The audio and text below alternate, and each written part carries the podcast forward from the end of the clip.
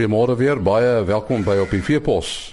Ons praat vanoggend oor hoe mense mielies kan aanwend om om kuilvoer te maak. Uh, mense kan mielies verkoop aan voerkrale om kuilvoer te maak. En dan is daar ook 'n nuwe landboumekanisasie handleiding beskikbaar.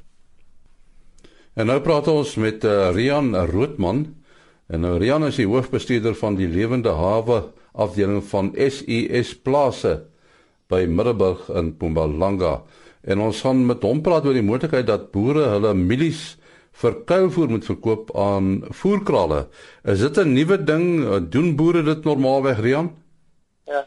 Jy weet nie. Dis nie dis nie kyk die maak van kuilvoer is al baie oud. Ons maak al vir jare lank kuilvoer. Maar die manne wat die kuilvoer maak, is saak maar die voerkrale en hulle maak vir hulle self. Nou weer daar in die Vrystaat is 'n klompie boere wat uh alreeds vir groot voerkrale uh kuilvoer sny. Dan oor die kontrakteurs kom in en sny hulle kuilvoer af en kuil in by die op die voerkraal se perseel self. Maar hier in ons omgewing in Middelburg gebeur dit nog nie regtig nie, maar ons maak ons eie kuilvoer al baie jare. So julle moedig nou eintlik eh, boere in die omgewing aan om om kuilvoer aan julle beskikbaar te stel. Dis reg ja, jy weet ons moedig dit aan, jy weet eh, soos ek sê, daar is heelwat voordele in dit. As groot voordele vir ons as 'n voerkraal om genoeg van hierdie kuilvoer eh, beskikbaar te hê vir 'n jaar. En aan die ander kant het die die die produsent, die mielieprodusent het ook heelwat voordele om om om om om sy mielieplant af te sny vir kuilvoer. Maar meeste boere die maak daarom tog kuilvoer op die plaas, nê? Nee? Ja, dit word wel gedoen maar baie op op baie klein skaal, nie. Hulle doen dit maar op baie baie klein skaal. Nou wat sal wat sal die voordele vir 'n boer wees van so 'n stelsel? Ja. Jy weet as jy nou gaan kyk uh, na die tyd van kuilvoerkerf, dan uh, normaalweg sny ons die plante af op 'n uh, harde deegstadium. Met ander woorde wanneer die pitte aan die bokant begin induik en jy hom nie meer kan plat druk nie.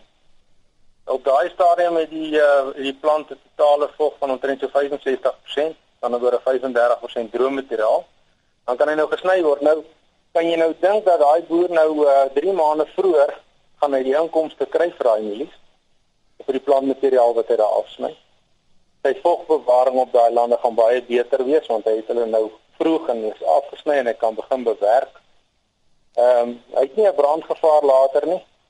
Ehm um, jy weet die die die die stroopkoste is nie syne nie want hy die die die pin die pinkel van die van die kuilvoer is die is die koper se koste so hy spaar daai stroop hy stroopkoste en dan verder ook jy weet ehm uh, mens kyk na die verliese met stroop jy kan 2 tot 3.5% wees van daai pitte wat op die grond val dit het hy nou nie en uh, as hy miskien later sou uh vee opsit om te bewy om van daai plantreste te benut. Hier dan sit hy nog met 'n kompaksie probleem wat hy sal later sal moet regstel met uh, met 'n bewerking. So jy weet dit is regtig 'n groot voordeel vir die produsent ook om om om om die opsie van kuilvermaak te oorweeg.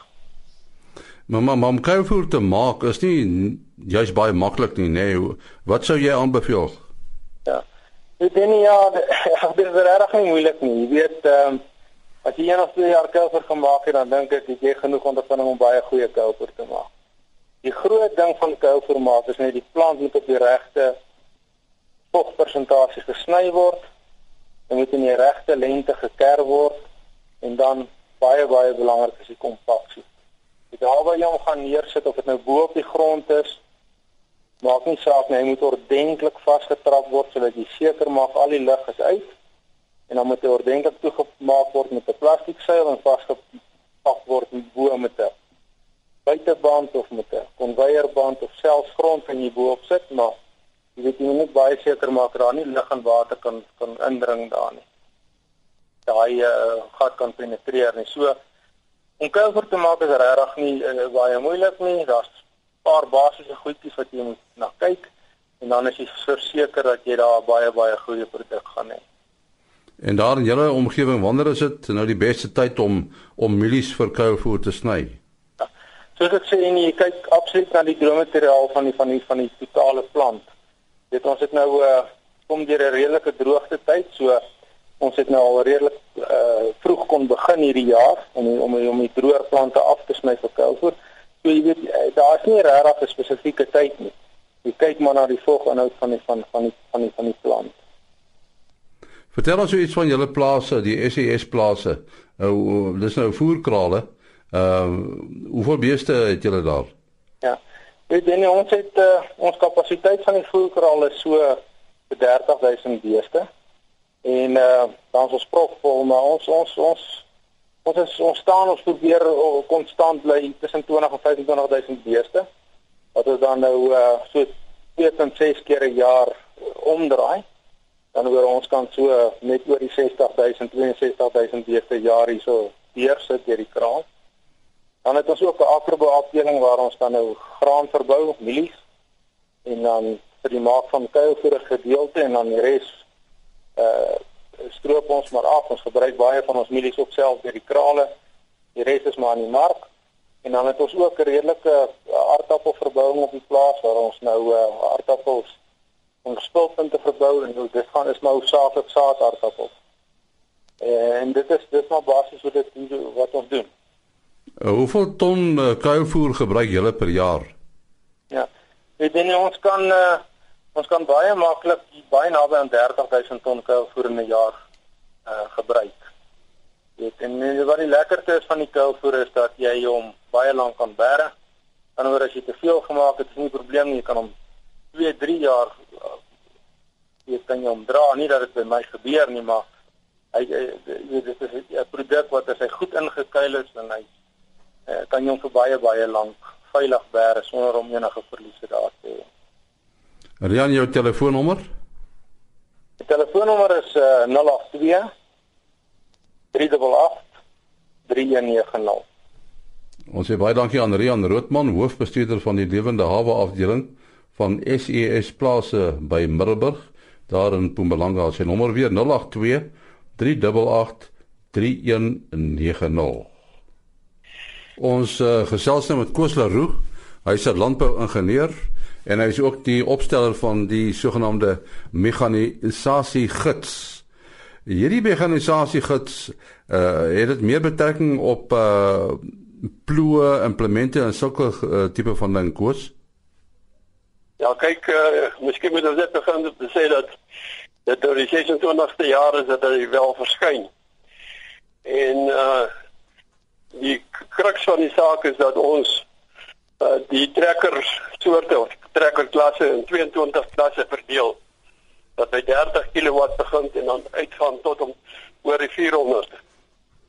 En by elkeen van daai uh, klasse pas ons 'n uh, hele reeks implemente wat by die sekere klas pas.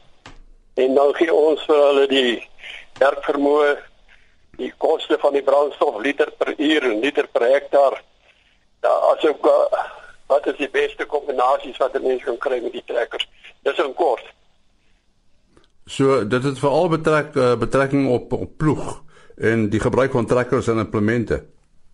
Ja, dat kom natuurlik nie net ploeg nie, maar die hele uh, sê ons begin by ploeg en uh, uh, skottel implemente tandimplemente, planters, koringplanters, mielieplanters eh uh, deur uh, die hooi maak proses uh, die hooi sny, die hooi maak met balers en dan uiteindelik ook kuilvoer voer maak met eh uh, eh uh, hamermeelis, die koste van hamermeelis sowel as uh, die meng van voere.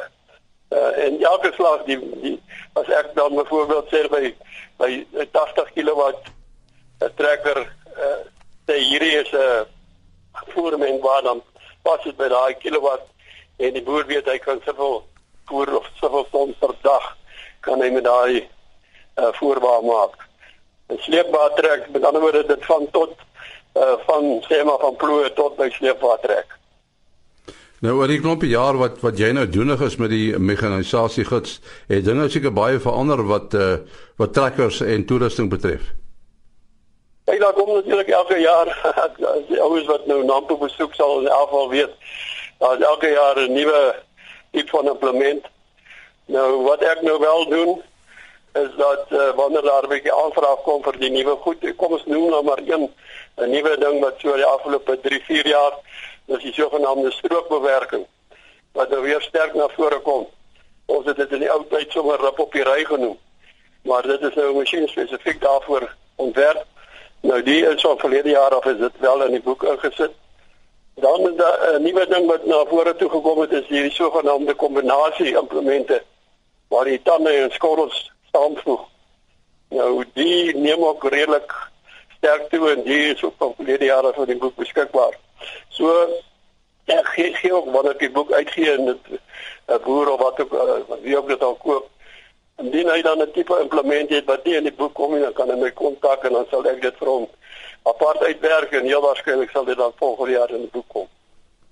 En natuurlik 'n ding wat bygekom het is die sogenaamde uh uh geen bewerkingstegnieke en en presisie boerderye, né?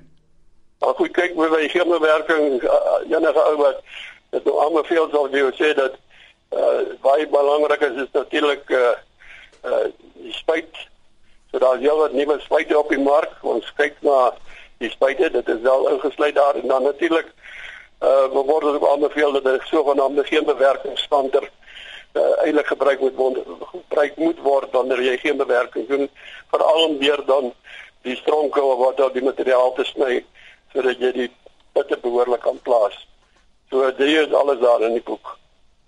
En en nou mens nou tred met uh, al die elektronika wat bygekom het.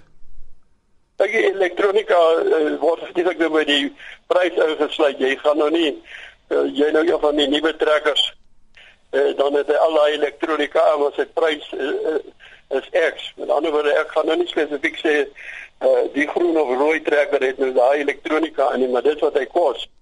En sy koste maak eintlik dit dit wat dit wat dit per hektaar kos. Wat is sy brandstofverbruik is sy grootte van die enjin maak wat wat hy wat hy uh, die brandstof wat hy verbruik. So daardie koste uh die elektroniese goed uh word nie genoem nie want dit word ingesluit by die prys van die trekker of van die stroper, jy weet so. Ja, kos jou telefoonnommer? My uh, telefoonnommer is 082 828 9531. Sê hom weer. 082 828 9531. Dit was uh, Koos Leroux wat gesels het oor die nuwe mekanisasie handleiding. So kom ons ook aan die einde van die program. Môreoggend is ons terug. Tot dan. Mooi loop.